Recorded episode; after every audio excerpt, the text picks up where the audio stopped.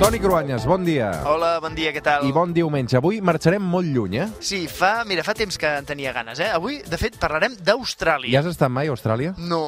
Vaja, jo em vaig a conformar parlant amb tu i mirant, mirant documentals i fotografies a la tele. Doncs mentre esperem aquest viatge pendent, avui viatjarem a Austràlia. Per què Austràlia? Mira, és veritat que l'actualitat ens porta sempre a històries més properes. És normal, eh?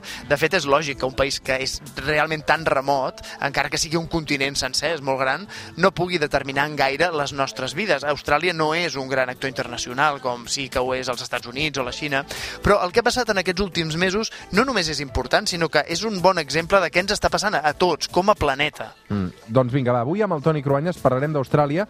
Anem, viatgem cap a l'altra punta del món. Atenció, perquè aquesta és una de les cançons de la banda sonora de Priscilla, Reina del Desert, tres drag queens que travessen molts dels paisatges australians dels que avui parlarem. Sí, Austràlia és un país en què sempre hi ha hagut més espai que persones. La terra i el paisatge han estat el sentit mateix de la seva vida. De fet, parlem d'espais oberts, forma també part del nostre imaginari, uns espais que han definit aquest aire salvatge, lliure, gairebé exòtic. Aquest hivern, el que per ells és l'estiu, els incendis han devastat boscos, espais que, en termes europeus, equivaldrien, estaríem parlant de països sencers. I això és el canvi climàtic, que està afectant cada estiu amb més força a Austràlia.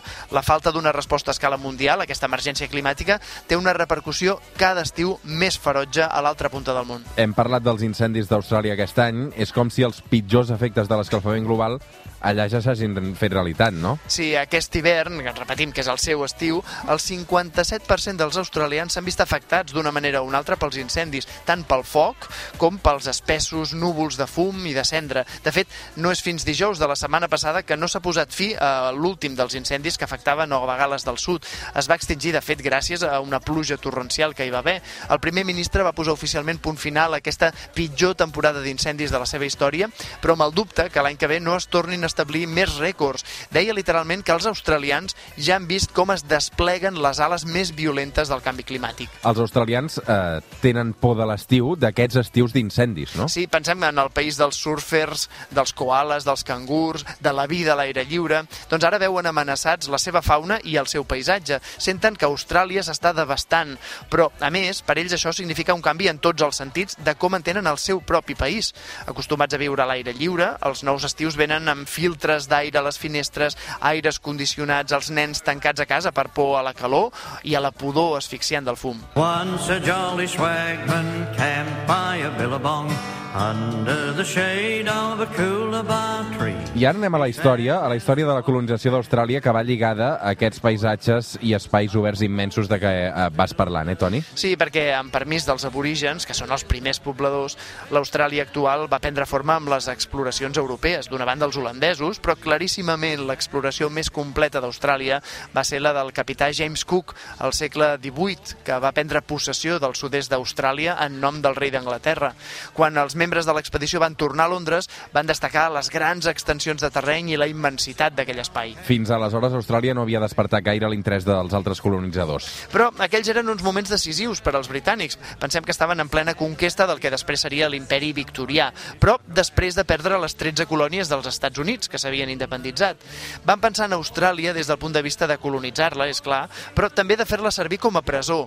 Tenien sobrepoblació a les presons del Regne Unit, així que el 13 de març de 1787 van sortir 11 vaixells de Portsmouth en direcció cap a Nova Gales del Sud. La primera colònia penal va ser a Port Jackson, que actualment forma part de Sydney. Després vindria la colònia penal de Tasmània, de Queensland, tot presons.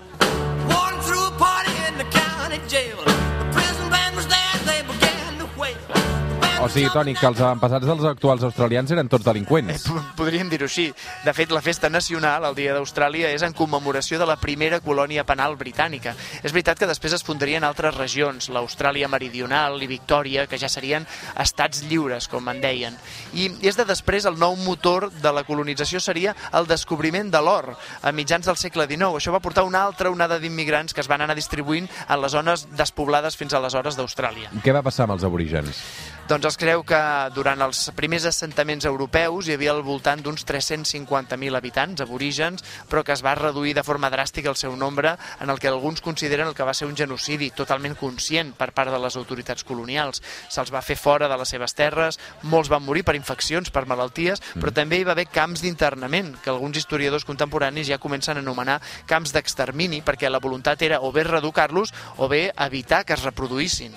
Una història dura que tot just ara comença a sortir a la llum. Sí, en tot cas, a partir dels anys 60 hi va haver espais d'aquest gran país que es van deixar per als aborígens, encara que no tinguin mitjans per controlar-los o per mantenir-los. I en part també ara els incendis tornen a posar el focus a, en aquesta distribució de terres. Mira, Roger, recordes la sèrie australiana per excel·lència? A veure, a veure. Però això era molt petit, jo, eh? Tu, aquí devies, no ser, tant. tu devies ser adolescent, no? Sí, sí, sí. Això és uh, Neighbors, no? La, aquell, Sí. Això que TV3, que eren els 90?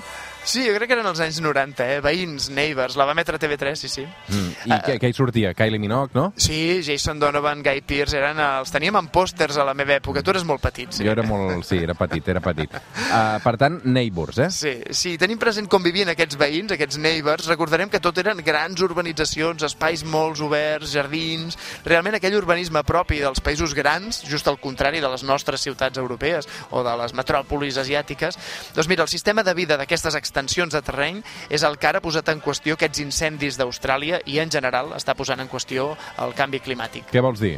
Doncs mira, el govern australià està estudiant el que considera una amenaça d'un pilar de la identitat australiana. S'han cremat centenars d'hectàrees molt vinculats a la, a la psicologia nacional australiana, molt paisatges propis de la nació australiana. Molta gent han viscut eh, aquest estiu veient a la llunyania columnes de foc, sentint l'olor de la cendra. El fet de saber que hi ha grans extensions de terreny buides de gent, però que en qualsevol moment es poden visitar, que, que són com santuaris naturals, com el nostre Montserrat, ara saben que ja no els podran mantenir. Les asseguradores estan dient que no a molts propietaris rurals, cosa que fa pensar que hi pot haver en els propers anys un èxode brutal cap a les ciutats que podria transformar el paisatge, però també la identitat australiana. És un efecte de l'escalfament del planeta pel qual ja ens podem anar preparant també aquí. It's in your eyes.